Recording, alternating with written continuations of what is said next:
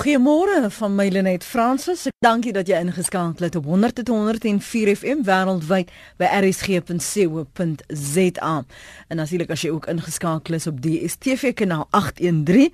As jy ver oggend wil saampraat, dan is dit 'n sensitiewe kwessie vir baie. Dis een wat re altyd reaksie uitlok en so wat 94% van die 143720 nuwe grondeisers wil finansiële vergoeding hê en nie grond nie.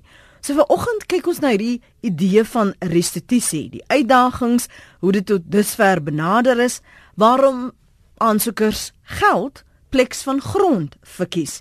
Ons gaste is Dr Dion Snyman.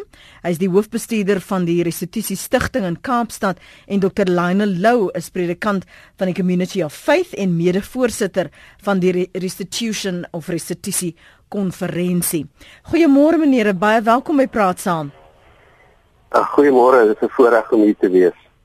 Goeiemôre Lenet en Dion, aangenaam om weer te kan gesels. Baie dankie vir julle tyd. Kom ons skep gou net vir ons luisteraars hierdie raamwerk van wat is restituisie soos dit vervat is in die grondwet. Uh, Dr Lou, kom ons begin by jou. Wel, ek dink uh eh, uh Lenet sedert 1994 met die uh nuwe demokratisering in Suid-Afrika praat ons van die voorheen benadeelde persone en gemeenskappe. Uh dit by implikasie uh, beteken dat daar is ook voorheen bevoordeelde persone en gemeenskappe. En die grondwet is baie duidelik dat daar moet regstellende optrede wees uh om die verlede se benadeling reg te stel. En so uh, ons het dit nodig in ons huidige uh, bestel om om te sien dat die gapings wat opgebou het deur die apartheidsjare reggestel kan word binne ons huidige uh, bestel. Die waarheid in die versoeningskommissie uh, het die pad geloop ten opsigte van die slagoffers van menseregte skending. Ehm um, en so ons ons moet in die huidige bestel moet ons iets en baie verskillende go uh, goed doen om regstelling te bewerkstellig. Maar ek is seker ons kan uit uh, brei daarop. Ek wil ook of jou vra Dr Snyman ek het net nog gesê dis 'n sensitiewe kwessie, maar ek, ek begin al hoe meer die gevoel kry dat relate wrang smaak mense se mond. Hulle is skepties oor die restituisie proses dat daar half wantroue is in die regverdiging vir, vir restituisie. Weet jy net, ek dink restituisie is so 'n deel van ons lewe. Jy weet as ek as ek onthou as 'n klein seentjie wanneer 'n ou iets verkeerd gedoen het, sê net maar byvoorbeeld ek het my boetie se uh, se speelgoed gebreek of ek het teen die muur geskryf met 'n pen. Dan het my ma altyd vir my gesê ek moet die muur afvee en skoonmaak of as ek dan my maandelikse sakgeld gekry het dat ek van daai sakgeld moet gebruik om weer 'n speelgoed item vir my boetie te koop wat ek gebreek het. So ek dink dit is egter is iets wat baie deel is vir ons lewens. En die restituisie aspek van uh van die lewe gaan oor jammer doen. Jy weet baie keer is dit maklik om te sê dat 'n mens jammer is oor iets wat verkeerd uh gebeur het. Maar die jammer doen is belangrik omdat dit um net bevestig dat 'n mens werklik berou het oor dit wat verkeerd gedoen is En ek dink die jammer doen van die versoeningsproses in Suid-Afrika het tot dusver nie genoeg klem in ons samelewing gekry nie.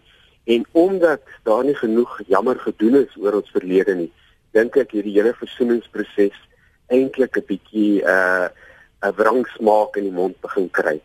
Ek dink restituisie hoef glad nie 'n negatiewe ding te wees nie. Ek dink dit kan iets baie positiefs wees. As 'n mens werklik lus het om 'n nuwe en, en ernstig is om 'n nuwe bestel daar te bring om om verantwoordelikheid te aanvaar vir dinge wat in die verlede verkeerd gegaan het, dan dink ek is dit 'n uh, baie positiewe ding wat mense kan doen om werklik konkreet gestalte te gee daaraan dat 'n mens uh, 'n nuwe stelsel daar wil stel. Hmm. Hoekom dink jy het het mense so vertroue in die proses verloor. Ek, ek weet jy verwys nou na daar's nie genoeg jammer gedoen en dis vir my 'n baie mooi uitdrukking om om so daarna te verwys. Maar die vertrouensproses in in dit wat ons probeer bewerkstellig het uh, be, bewerkstellig het. En ek dink dit is belangrik dat 'n mens teruggaan na 1994 toe. Baie Suid-Afrikaners mag miskien dink dat in 1994 alles ewe skielik al die boeke oor die verlede toegemaak is. Ek dink wat in 1994 gebeur het, is dat daar slegs 'n skietstilstand gesluit is. 1994 uh het nie 'n versoening uh daar gestel nie. Dit het eintlik die beginproses van versoening uh uh begin. Ehm um, mens kyk na uh navorsers wat baie tyd en aandag spandeer oor wat is nodig vir 'n gemeenskap om in vrede met mekaar saam te leef. Dan sê die navorsers vir ons dat ons eintlik net in vrede met mekaar kan saamleef wanneer al die dinge wat in die verlede verkeerd gegaan het aangespreek is. Wanneer al die sake wat wat uh wat mense uh, benadeel het dat dit aangespreek is hmm. en daar oplossings daarvoor gevind moet word. En ek dink ehm um, ons in ons uh nuwe Suid-Afrika het nog nie genoeg aandag gegee om die grondoorsake van die dinge wat in die verlede verkeerd gegaan het aan te hmm. spreek. En dis waar justisie 'n belangrike rol het om te speel. Ek dink as ons na die huidige situasie kyk in Suid-Afrika van van groot woede, van frustrasie, mm, mm, mm. van uh mense wat wat begin moed verloor met die versoeningsproses, dan is daar baie mense wat ek sal sê dat dat ons het nog nie die grondoorsake van apartheid en kolonialisme se benadeling regtig aangespreek. So hoe hoe dis nou 'n groot ding.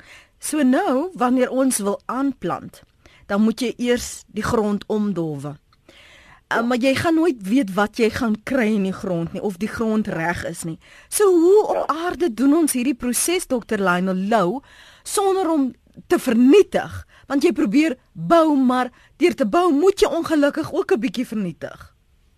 Wel uh, uh, ons ons moet seker teruggaan na die uh, Bybelse verwysing dat uh, saad wat geplant is uh, moet eers sterwe om weer nuwe uh, groei te bewerkstellig.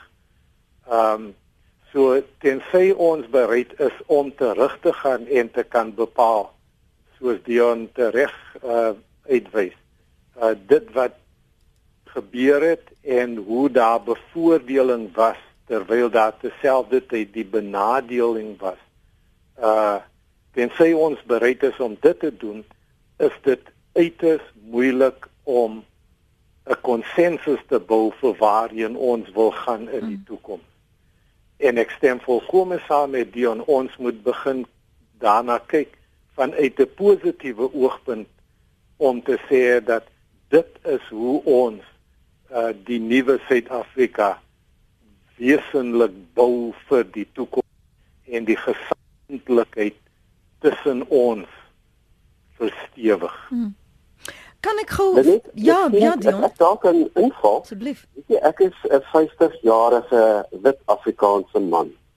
En ek het groot geword in 'n tradisionele Afrikaner omgewing waarin meeste van die mense vir die nasionale party gestem het, waar meeste mense uh, uh of baie mense vir die konservatiewe party gestem het.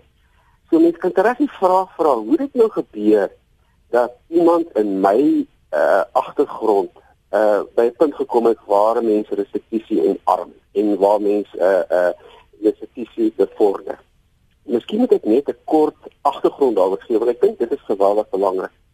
Ek het in 1990 uh die voorreg gehad om 'n predikant te kon word in 'n uh, Zulu sprekende gemeente in in die noorde van KwaZulu-Natal. Ek is die enigste wit persoon wat in daai uh, gemeenskap gebly het. En weet jy, in die tyd wat ek predikant was, het ek my gemeentelede baie goed leer ken.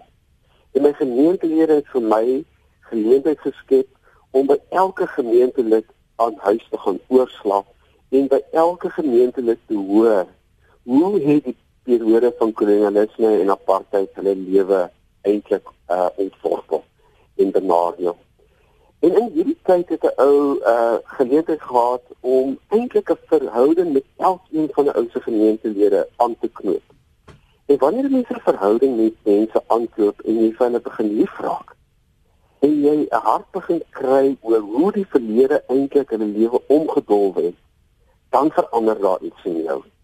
Jy weet, en as 'n ou dan uh met jou gemeente 'n pad saam loop, uh dan besef 'n mens dat versoening sonder jammer doen nie 'n blywende versoening gaan wees nie. Want iets moet gebeur in daardie gemeentelede se lewe om op te maak vir die groot benadeling wat hulle oor 'n lang tyd ervaar het. En ek dink dit is hoekom die hele saak vir restituisie vir my so belangrik geraak het. Toe ons hierdie proses begin het, Dr. Lionel Lou, het ons gereken ons moet meer fokus op die wetgewing of het ons genoeg gedoen om die wat geraak word, die benadeeldes en die bevoordeeldes deel van hierdie proses te maak want jy gaan nie altyd almal gaan nie altyd gelief neem met die feit dat ek moet gee vir iemand anders van wat ek beskou as myne nie maar net ek dink dit is uh, nie een of ander nie ons het uh, dit was absoluut noodsaaklik vir die wetgewing om te verander want apartheid was afgedwing deur wetgewing. So dit uh, moes gebeur. Maar ons moet ook onthou dit is nou 22 jaar later. En ten spyte van die verloop van soveel jare is daar baie Suid-Afrikaners wat nie die blootstelling gekry het soos Dion nou net geskets het mm. vir ons van wat gebeur het met mede Suid-Afrikaners, mede burgers gedurende die ap apartheidsjare nie. En so ons het die wetgewing wat regstelling uh, bewerkstellig, maar terselfdertyd as dit werklik gaan wortel skiet, dan moet ons dit fasiliteer. Hmm. Dat daar blootstelling gegee word aan Suid-Afrikaners om werklik te ervaar wat gebeur het en vir mense om hulle verskillende stories te vertel van wat gebeur het in die verlede om die bevryding te bring dat ons nou die pad saam met mekaar kan loop. Ons kan nie die pad saam met mekaar loop as ons nie blootstelling het teenoor mekaar nie. En ek dink dit is een van die groot goed wat ge, uh, nie genoegsaam gebeur het gedurende die afgelope 22 jaar nie. Hmm. En waar dit wel gebeur het, soos in Dion se persoonlike ervaring, maar ook tussen groepe van van mense en ek dink nou net aan hoe gemeentes oor die grense begin beweeg het en die direkte blootstelling begin kry het en kon hoor wat gebeur het met mense gedurende daardie apartheidsjare. Dan is daar 'n nuwe begin wat uh, gebeur. Kom ons val sommer weg met een SMS wat hier vir my uitstaan en ek gooi dit in jou midde, uh, Dr. Lionel Low. Sam in Kaapstad sê, "Why are we still whining on about restitution 22 years later?" Uh omdat daar is stil die steeds die benadeling en uh ons moet ook besef dat die benadeling het ook geloop van geslag tot geslag. Die bevoordeling het geloop van geslag tot geslag. Een van die sprekers by een van die dialoogsessies wat ons gehad het as aanloop tot die konferensie wat die 8de en die 9de eh, November plaasvind volgende week, het ook duidelik uitgewys dat dit nodig is vir persone wat bevoordeel was om hulle self te bewys as medeburgers van Suid-Afrika dat hulle 'n bydrae wil lewe tot regstelling sodat die verlede se verkeerde afbreekende benadeling reggestel kan word in die huidige bestel. So ons kan nie net sê dat ons wil aanbeweeg sonder om terug te gaan en te sê dat daar ons moet verstaan wat gebeur het. Ons moet luister na die stories van hoe mense benadeel was in die verlede om dan 'n bydrae te kan lewer. Wat uh, presies gedoen moet word? Die konferensie het 'n verskeidenheid van moontlikhede wat geskets gaan word. En uiteindelik moet persone en gemeenskappe bepaal hoe hulle 'n bydrae kan lewer om daardie regstelling te doen. So dis nie net van van sê 94 het gebeur, ons sluit dit nou af soos Dion al reeds uitgewys het nie. Uh en ons beweeg aan nie. Ons kan nie aanbeweeg sonder om te besef dat daar is mense wat sistematies benadeel was, verarm was. Net 'n voorbeeld uit uit Kaapstad is die voorbeeld distrik 6 hmm. waarvandaan mense verskuiwe was en oral op die Kaapse vlak uh, gegooi was. Daar's mense wat oorkant Kirstenbosch uh, tuine gewoon het en hulle is onteien van hulle eiendom. Nou hoe kan ons sê ons beweeg net aan sonder om te vra hoe is mense geraak deur daardie verskywings wat plaasgevind het? Hoe is mense geraak toe hulle verarm was deur die verlies van grond en ander uh, vaste eiendom wat hulle besit het en toegesit het met baie min en in sommige gevalle met niks. Hmm. Kom ons hoor. En so ons moet nou praat hmm. van hoe ons reg gaan maak vir wat verkeerd gedoen was in die verlede. Ons kan nie net aanbeweeg nie. Dokter uh, Snyman, dalk wil jy iets byvoeg voor ons na Koos gaan in ja, Pretoria? Ek ek, ek dink die die die, die vinnige antwoord op daardie vraag is uh 22 jaar later, ja, dit is nog steeds belangrik omdat dit in die afgelope 22 jaar nog nie gebeur het nie. Die Waarheids- en Versieningskommissie het uh, 'n uh, klomp aanbevelings gemaak, restituisie aanbevelings vir die Suid-Afrikaanse gemeenskap hoe daar met die verlede om uh, omgegaan kan word om geregtigheid te laat geskied. En dit is so dat meeste van hierdie aanbevelings eintlik net stof gegaar het en uh, daar het nie baie daarvan gekom nie. En ek dink die huidige klimaat waar ons soveel woede en frustrasie in ons gemeenskap uh beleef is 'n aanduiding dat mense besig is om hulle geduld te verloor. Ehm um, ek dink dit is ook belangrik om te sê dat wanneer ek en Laima oor restituisie praat, ons nie net uh op grond fokus nie. Baie mense assosieer restituisie ja. net oor uh op mm. grondsake, maar restituisie is uh volgens ons iets baie groter. Dit ja. dit dit gaan ook oor alle ander aspekte in mense se lewens waar hulle benadeel is wat onder die vergroot vasgeneem moet word en gesê word hoe kan 'n mens reglaat geskied aan daai vorm van benadeling.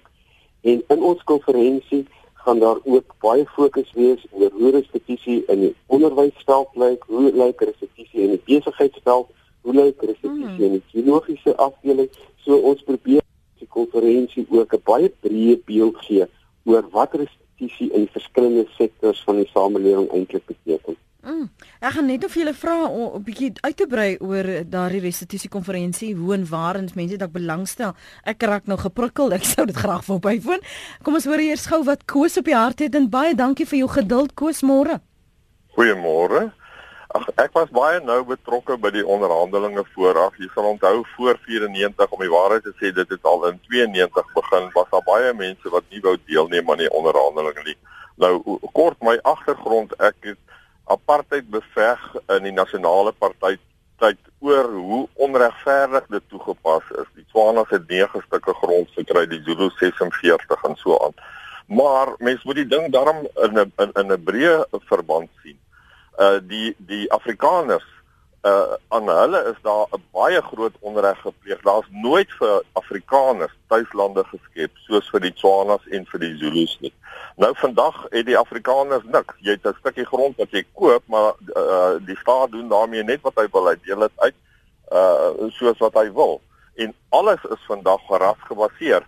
Uh rassewette terwyl ek studeer het as argitek, toe is goed al afgeskaf soos 'n werkreservering vir uh messelaars wat net vir blankes gereserveer was. Daai goed is vir 50, 60 jaar lank afgeskaf. Van 92 af 94 af word daar honderde nuwe wette gemaak. Jy moet soveel mense in diens neem van 'n ander ras. Alles gaan oor ras. Sportkwotas is oor ras. So die regering gebruik ras vir elke moontlike ding onder die son. Daar sal nooit vrede, 'n rassevrede in Suid-Afrika wees voor die ooreenkoms met Tabo in Bekkie en die National Executive van die ANC nie nagekom word nie. Dis op skrif, dis geteken voor Boutros Boutros Ghali. Die uh, die uh, uh, uh, Britse en Amerikaanse ambassades was getuie. Dis geteken die Sondag voor die verkiesing. Ras sal nie as norm gebruik word nie. En op grond daarvan het 630 1000 mense vir generaal Viljoen gestem spesifiek om hulle eie grond te kry. Hulle kry dit nie en ras is vandag die vorm eh, norm van alles. So volgens my is 'n ooreenkoms met 630 000 Afrikaners wat wou deelneem aan die nuwe uh, uh, uh, bestel is verbreek. Daar is vandag baie meer rasse as 20 jaar gelede. Baie meer. En en waaroor is dit? Dit is oor ras is alles. Goed, Koos, baie dankie. Kobus sê ek stem nie heeltemal saam nie. Uh ander kleuriges was my maats. Ons was arm. My pa het net naweke by die huis spoorwegwerker baie dae net pap geëet, been gratis, onderwys gehad, geen restituisie vir arm agtergeblewenes nie. Ehm um, kom ek kyk gou ons het 'n bietjie tegniese probleme uh, met ons uh, boodskap is hierso. Ek is 'n Afrikaner sê nog een die Britte het ons almal benadeel. Dit is half belaglik as ek nou geld wil eis. Die sappe die Britte het apartheid ingestel in 1910. Ek hoor nie hulle sê hulle is jammer nie. Uh Sean sê ons jammer doen kos almal in hierdie land baie baie uh, me mense sonder enige inbors word in poste gedruk. Die werk word half gedoen of glad nie gedoen nie. Die gebeur van Virkhuiser Ehm um, hier's so gesukkel julle. Ek moet elke keer dit net opmaak terwyl ek lees dan gaan die hierdie tegniese fout. Dit gebeur van Virkheiser drywers tot by presidente en ministers 90% van die nou bemagtigde mense het geen respek vir wet en orde. Nog 'n adres sê ek raak so siek as ek die woord minder bevoorregtes hoor.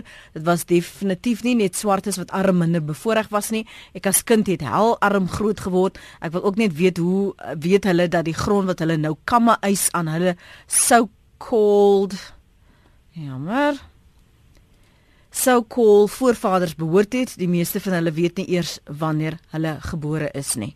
Sjoe Adri. Hierdie storie maak my so siek ek wil kots, sê Adri. Ek hoop jy raak gesond, Adri.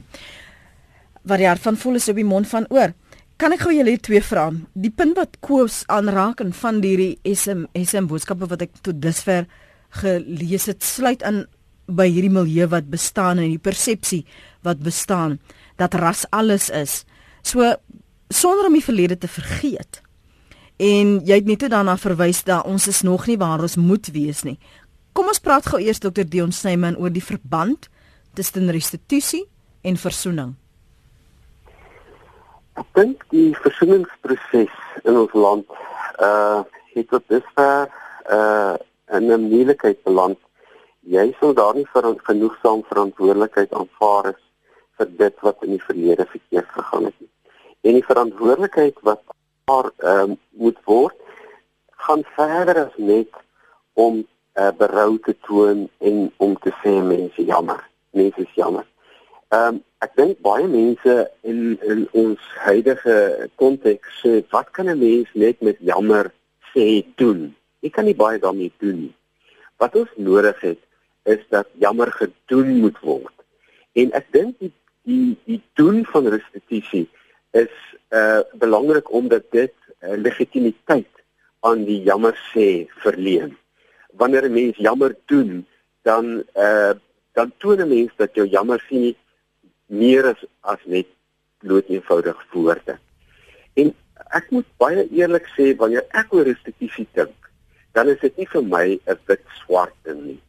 Dis 'n menslike ding.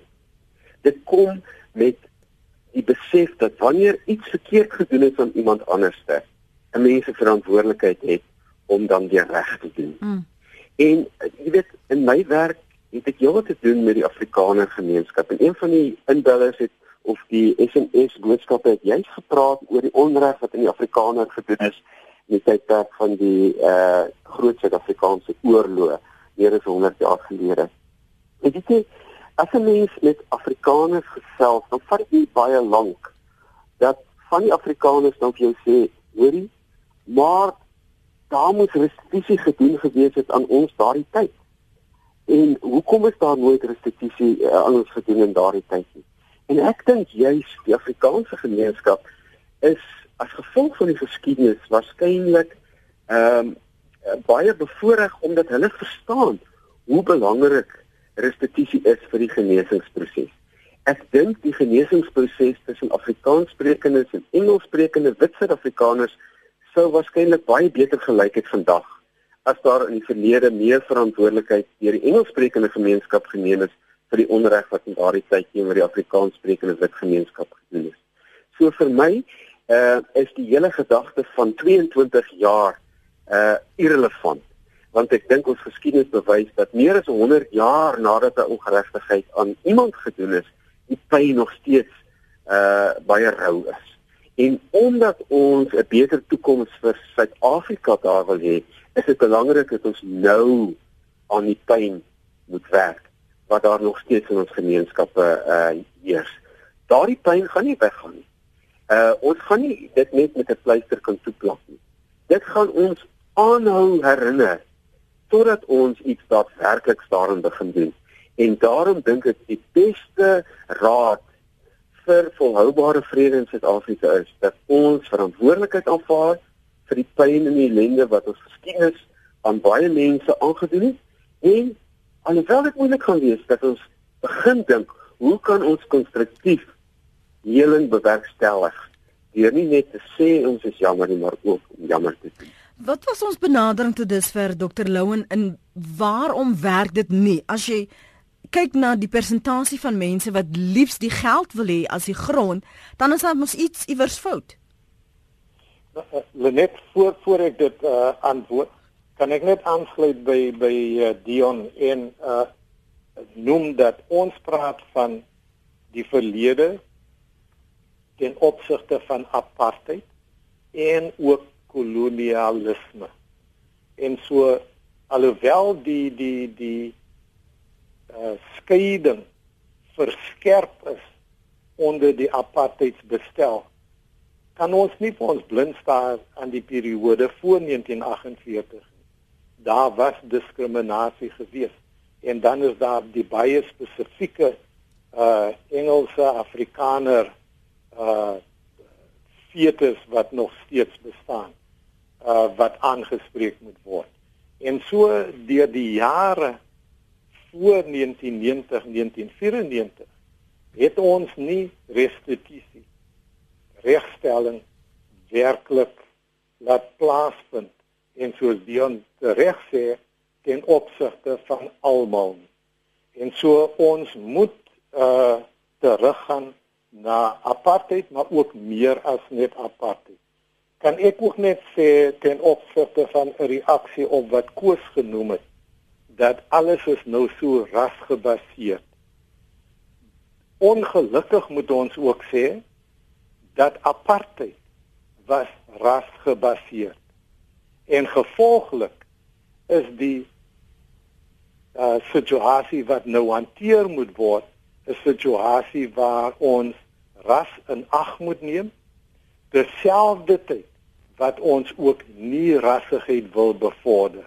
En so is 'n bietjie van 'n dilemma van hoe spreek ons die rasgebaseerde diskriminasie wat loop van geslag tot geslag terselfdertyd wanneer ons ook wil praat van nie rassigheid. So ons moet regstelling doen, maar ons moet ook kan beweeg en nie rassigheid kan kan bevorder uh om om uh, ook ten opsigte van A3 kan ek net dit noem. Daar was in die 30er jare 'n ondersoek van die Carnegie kommissie om te kyk na arm blankes in Suid-Afrika. En binne een geslag is daar soveel gedoen om arm wit mense te lig vanuit armoede. En so uh was daar bevoordeling van mense wie arm was. Maar op daardie stadium en dit is verskerp onder apartheid was dit gemik op wit mense. Gevolglik arm swart mense wat hulle grond verloor het en en allerlei ander goed met hulle gebeur het, het nie dieselfde voordeel getrek uit die ondersoek na armoede en wat daaromtrent gedoen kan word nie. En so ons kan nie die geskiedenis net so vergeet en afskrywe en sê ons moet aanbeweeg nie. Ons moet kan teruggaan en net besef wat nodig is. Hmm. Hoekom werk dit nie op die oomblik nie? Uh die konferensie gaan weer uitlig die moontlikhede van wat daar is wat bestaan van hoe ons restituisie kan aanspreek omdat ons nou onsself bemoei daarmee. En ons hoop soos ons nou vandag met die program doen dat ons restituisie weer in die openbare gesprek kan terugbring om te sê dat daar is bepaalde regstellende optredes wat ons kan bevorder onder die huidige bestel. Uh en dan kan ons dit laat werk. Uh en ons moet net die kontak tussen mense aanmoedig sodat mense blootgestel kan word aan wat gebeur het en in die verlede en hoe dit mense se lewens aangeraak het as ons die soort begrip kan kry vir die menslike aspekte van wat gebeur het in die verlede kan ons die toekoms saam ingaan. Uh ek dink net ons het nie genoeg gemaak daarvan om mense bymekaar uit te bring sodat hulle werklik kan restituisie prakties maak op 'n daaglikse basis. Kom ons hoor gou wat ons luisteraars sê. 'n Paar hou al 'n rukkie aan. Professor in Port Elizabeth. Goeiemôre. Goeiemôre. Ehm uh, dankie vir die geleentheid. Ehm um, ek stem saam met die hele gedagte van van restituisie. Dit is net inter interessant dat ons altyd dink aan plaasgrond. Almal dink altyd aan plase. Daar is maar 50 40000 boere wat wat wat ekonomies goed boer 50 miljoen mense in die land. As ons die 40 wegvat en ons vervang hulle met 40 ander, dan is daar nog steeds 49 miljoen 960 000 wat die grond het. Die. Hoe lank sal dit nou gelukkig wees en dan dan sit weer die volgende sarsie van 40. So my oplossing sou liewer wees dat ons moet begin kyk na die stedelinge. En my oplossing is dat ons townships vat, dat ons begin opmeet die nodige opmetings doen en dat ons die oordrag het van kaart en transport en dat ons vir mense die grond waarop hulle woon gee, kaart en transport in jou naam. Dit bemagtig jou as 'n persoon ekonomies. Jy kan dit gebruik as 'n teenwig om 'n lening by 'n bank te kry. So my oplossing sal wees, kom ons begin by die stede waar die meeste mense woon. En ons sny dit op en ons gee dood eenvoudig kaart en transport. Ons dra dit oor aan iemand en en op die manier bemagtig ons miljoene mense op een slag. Baie dankie professor vir daardie voorstel en Dave, jy is in Kaapstad. Môre Dave. Weet dit is om te boerie, dis hoekom die mense liewer die geld wil vat. Ek was op Dr. Piet Kilkomkop vrou in hierdie mega boere programme gemaak het. Om te boer is 'n moeilike storie met die droogtes en alles. Mense vat liewer die geld en gaan bly lekker aan 'n dorp of 'n stad waar dit baie makliker is om voor te bestaan. En dan vir die storie van die kolonisasie. Wat van die Zulu kolonisasie en die Xhosa kolonisasie? Die hele Weskaap is nou swart. Daar is nie meer kleurlinge, die bruin mense is almal word uitgedruk oral. Dit is glad nie 'n geval van dat uh, grond gevat is of wat ook al nie. Die mense het almal daar's baie grond. Maar uh, nou die uh, hele storie word oordryf van dis 'n soort van heropvoedingsprogram wat julle mee besig is om mense nou wil te ontdoktrineer om nou uh, uh, ook nou skuldig te voel oor kolonisasie en so goed. Hierdie hele kolonisasie storie is 'n groot klug. Dis die grootste leuen van die eeu. Die Khoisas en die Zulus koloniseer ons nog steeds die hele tyd. Baie dankie. Dis Dave se mening daar in die Kaap. Jy's ook in die Kaap, uh, Dr. Lynelou. Jy's nog uh, daar daarom nee, jy jy's jy nog nie uitgedruk nie. Nee, ek is nog glad nie uitgedruk nie. Uh uh Davies geregtig op sy opinie. Ek dink die feitelike weerspreek dit en ons bevorder die saamleef met mekaar. Ehm uh, ek stem volkome saam met die professor dat dat uh, grondbesit uh uh die besit van vaste eiendom uh mense help om uh aan die gang te kom ekonomies. Hmm.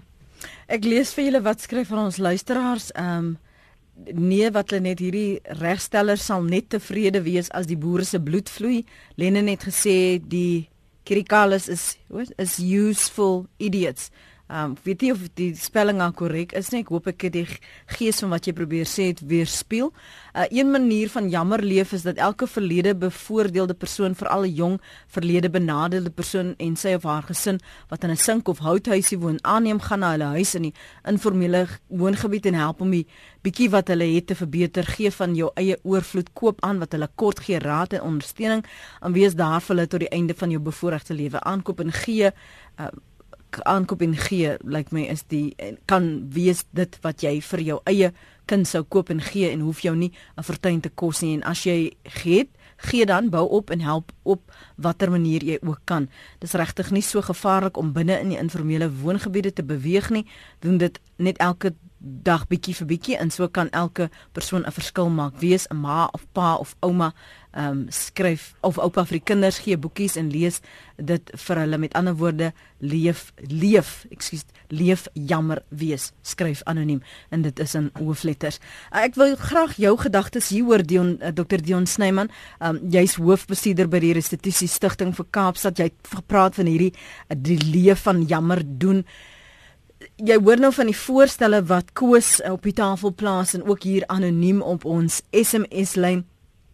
Die benadering tot dusver en die benadering wat ons moet volg. Hoe verskil dit? Waar is die ooreenkomste? Hoe verseker ons dat wat ons voortaan doen beter vir almal uitwerk? Indien moontlik. Baie dankie. Ek dink dit is baie belangrik dat mense moet onderskei onderskei dat daar 'n verskil is tussen restituisie en barmhartigheid. Restituisie en charity. Jy weet, ons daar's baie mense in ons land wat baie baie positiewe goed doen wat 'n groot verandering in ons uh stelsel teweegbring in in die omgewing waarin hulle lewe. Maar baie van die dinge wat plaasvind word vanuit 'n barmhartigheidsoogpunt gedoen waar mense wat in 'n bevoordeelde posisie is uh jammer voel vir iemand wat swaar kry en dan uit die bevoordeelde posisie besluit wat die swaar kry persoon nodig het en dan vir daardie swaar kry persoon help. Dit is barmhartigheid of charity. Restituisie is anderste. Dit gaan oor 'n uh, 'n nuwe ehm um, verhouding met die persoon wat benadeel is. Daar is nie 'n uh, 'n power difference nie. Die mens wat benadeel is, is deel van 'n gesprek en die benadeelde persoon uh in die gesprek dui dan aan wat is nodig om die benadeelde situasie uh uh uit die benadeelde situasie uit te kom. So ek dink dit is geweldig belangrik in die restituisie gesprek om 'n onderskeid te maak tussen barmhartigheid en restituisie. En wat ek dink ons as as Restitution Foundation uh eintlik ons voor beywer is dat daar weer uh restituisie plaasvind in die plek van uh barmhartigheid. Ehm um, ek dink om om terug te keer na die professor van uh van Port Elizabeth. Ek dink dit is 'n baie baie belangrike voorstel wat hy maak om van 'n restituisie oogpunt vir mense te help om title deeds tot hulle uh huise te kry. En een van die persone wat voorloop met hierdie proses in Suid-Afrika is meneer Christo Wiese. En sy familie trust het baie werk gedoen om mense in Parys en die Vrystaat te help om eienaarskap van hulle van hulle huise te kry. In huise wat hulle vir 'n baie lang tyd al in bewoon, dat hulle eienaarskap kry om dit te doen. En dis iets prakties wat wat mense kan doen. Uh Dr. Christie sê jy's die NG-kerk byvoorbeeld uitgedaag om in elke uh dorp waar daar 'n NG-kerk gemeente is, gemeentelede wat natuurlik dan meer in die verlede bevoordeel is, aan te spreek om verantwoordelikheid te aanvaar vir een huisgesin om titelaktes te kry van die huise waarin hulle bly. Mm. En dit op sigself kan 'n belangrike bydrae tot restituisie wees. Mm. Oor landrestituisie dink ek is dit belangrik dat ons moet onthou dat land 'n baie emosionele saak is. Mm. Ehm mm. uh, en dit gaan nie in die eerste plek oor sosio-ekonomiese sake nie. Dit is 'n emosionele saak. En wanneer 'n mens in 'n land soos Suid-Afrika uh, bly waar 80% van die mense in die land nie wit is nie en hulle ry van een plek na 'n volgende plek en hulle ry verby plaas na plaas dan plaas wat in wit mense se hande is dan kan jy jouself indink watter emosionele stryd dit in 'n mens wakker hmm. maak. En elke land wat deur transisieprosesse gegaan het, neem nou maar byvoorbeeld Ierland, was dit 'n belangrike uh, deel van die genesingsproses dat die meerderheid mense in die land voel dat hulle eienaarskap van hierdie land het. En ek dink dit is iets wat ons nog nie genoeg saam met aangespreek het. Ivan wil praat oor die wat die geld verkies bo die grond. Môre Ivan? Goeiemôre Lenet en goeiemôre aan die luisteraars. Uh Lenet, en ek wil net graag sê man, jy weet wanneer mense dan nou om, omdat ons in sulke moeilike ekonomiese omstandighede bly, verkies mense dan nou om geld te neem. Maar aan die ander kant is die geld is is is iets wat hy verdwyn oornag. Terwyl jy grond het, het jy 'n vaste bate. Ewenself vandag as jy 'n hophuisie het, mense besef nog nie die waarde van eiendom nie. En ek dink dit net dit gaan dood eenvoudig oor onkunde, want daar is ook gevalle so byvoorbeeld die Clarks in Appington wat hulle grond teruggekry het en daar's baie ander gevalle waar mense dan ook grond terug teruggeneem het. Ehm um, so die uitdaging is hulle net is hoe verstaan mense die waarde van geld en van grond? want die die die eintlike probleem wat ons vandag mens sit as dit kom by restitusie net toe hierdie land opgedeel was toe die land nou klaar opgedeel was die Khoisas het hulle landjie gekry en die Zulus het hulle landjie gekry en die Tswanas het hulle stukkie gronde gekry toe vind die ou regering uit jong maar ons het nou nie vir die kleerlinge grond gegee nie toe vra hulle daai tyd toe sê hulle jong maar ons het nou vergeet van hierdie groep mense hulle ons het nog nie se naam gehad daai tyd nie Toe sê hulle, "Jong, ons het vergeet nou van hierdie groep mense. Hoe maak ons nou met hulle, die kleerlinge?" So as daar eintlik 'n groep is hulle net wat regtig kan aanspraak maak op onregverdigheid, dan is dit ons mense wat sê, "Hoorie, so ons het 'n reg. Ons wil ook 'n Transkei hê of ons wil ook 'n Ciskei hê of ons wil KwaZulu-Natal hê."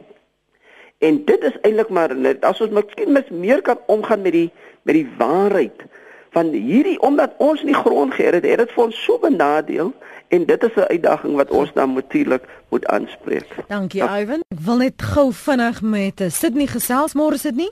Môre Lenet, Lenet, uh, my ek behoort aan 'n groep wat bekend staan as die Kamanasi Boys en dit is 'n gebied hier buitekant Oudtshoorn waar ons ouers en voorouers vir ons altyd vertel het waar hulle geboer het. In 'n stadium het ek vir my ma gevra, "Kom gaan wys my nou waar jy gele geboor het." Al wat jy gesê het, sit nie los die wit mense. Dis in my mind. Met ander woorde, daar het iets gebeur in daardie gebied wat ons ontneem het van grond. En uh, ons ons ons kan nie meer boer nie, maar as ons in sharing, as ons in 'n in 'n in 'n 'n vennootskap met mense wat kan boer ingaan, dan kan dit help om die om die verliese en die pyn wat hierdie groep gelei het om dit te herstel. So ek wil net by Lionel weet min of meer hoe gaan 'n mens so 'n saak hanteer? Goed, baie dankie vir daai oproep en miskien ook dan net vir jou vra uh, Dr. Lionel Lou om te verwys na hierdie restitusie konferensie en die gedagtes wat ons luisteraars gesê het. Ons sal dan die laaste kommentaar van Dr. Dion Snyman neem en ons het net so 'n minuut asseblief. Net gou uh, aan Ivan, uh, ek stem saam dat ons uh, die waardering moet hê vir grond. Ek stem nie met hom saam dat ons nou grondgebiede moet uitgee op die basis van ras nie. Vir Sydney, uh, net weer eens, hier is daar is 'n storie wat vertel moet word van wat moet gebeur. En me, verskillende mense moet kan luister na wat die storie is sodat daar optrede kan wees om dinge reg te stel. Ons moet die gesprekke oopmaak. Net laastens, ons kan nie vir ons beperk net tot geld en grond nie. Die konferensie op die 9de en die 10de gaan die gesprek oopmaak rondom wat die betekenis is van restituisie en skep die moontlikhede op 'n verskeidenheid van vlakke waar restituisie kan gebeur en maniere hoe dat dit kan gebeur. Dit Hoe- word gehou by die kasteel O, die in Kaap. Kaapstad op die 9de en die 10de. Hoe gebruik ons hierdie proses om mense nader aan mekaar te bring om versoening te bewerkstellig Dr Dion Snyman? Ons gaan tydens die uh uh konferensie 'n uh, nuwe boek loods. Uh die boek is geskryf deur ehm uh, professor Salim Swarts, uh die voorsitter van die restitusie stigting. Die naam van die boek Another Country en saam met die loodsing van die boek gaan ons ook 'n app loods wat mense dan kan help om vir 10 weke lank uh gesprekke te voer met mense van ander kultuur uh, agtergronde waarin daar juis in sulke gesprekke gepraat kan word oor wat gedoen kan word om genesing in ons land te bewerkstellig. So ek sal regtig mense wil uitnooi om die loodsing van die boek by te woon by die kasteel en dit is uh, 5 uur uh uh die uh, 9de November en dan wil ons ook mense graag uitnooi na die openingsgebeurtenis van die konferensie waar ons 'n gesprek het tussen advokaat Tuli Madonsela en haar dogter 'n gesprek met uh, advokaat Leon Wessels en sy dogter en met Lucanio Calata en sy ma Nomonde Calata, die familie van Fort Calata van die Krabbekultuur, mm. waar hulle met mekaar gesprek gevoer oor wat is hoe lyk restitusie in Suid-Afrika en waarom is restitusie belangrik. So dit begin uh 7 uur die Woensdag aan die 9de November by die kasteel in Kaapstad en mense is baie welkom om dit by Baie te woon. dankie. Baie En dan dankie. donderdag die 10de November is daar 'n klomp verskillende gesprekke en en aanbiedings oor hoe restitusie kan lyk in die onderwysveld, in die teologiese veld, in die besigheidswêreld, in die land landreform uh reform uh, gebied en mense wil graag ehm uh, ons wil graag mense uitnooi om uh, om die konferensie te kom bywoon. Baie dankie aan Dr Dion Snyman en Dr Lionel Lou, predikant daar by die Community of Faith en mede-voorsitter van hierdie restitusie konferensie en uh, Dr Snyman is die hoofbestuurder van die restitusie stigting in Kaapstad.